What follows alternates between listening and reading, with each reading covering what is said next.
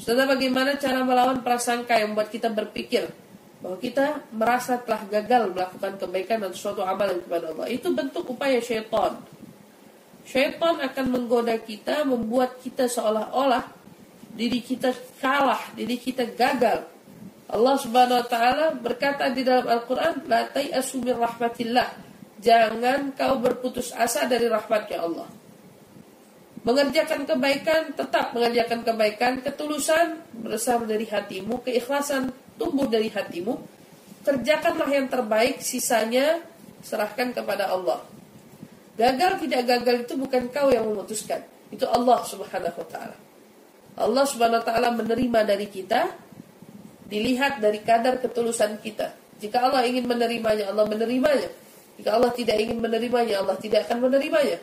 Jadi bukan keputusan kita sudah baik atau tidak. Kita hanya berusaha mengerjakan yang terbaik. Sesuai dengan apa yang Islam ajarkan. Ya.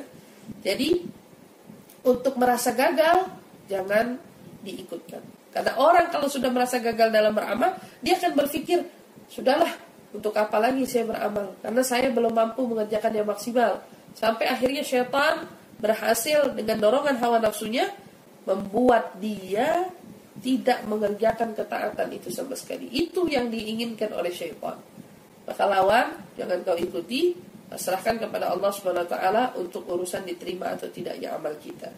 Tugas kita adalah mengerjakan amal ibadah yang terbaik. Ofan tadi untuk orang yang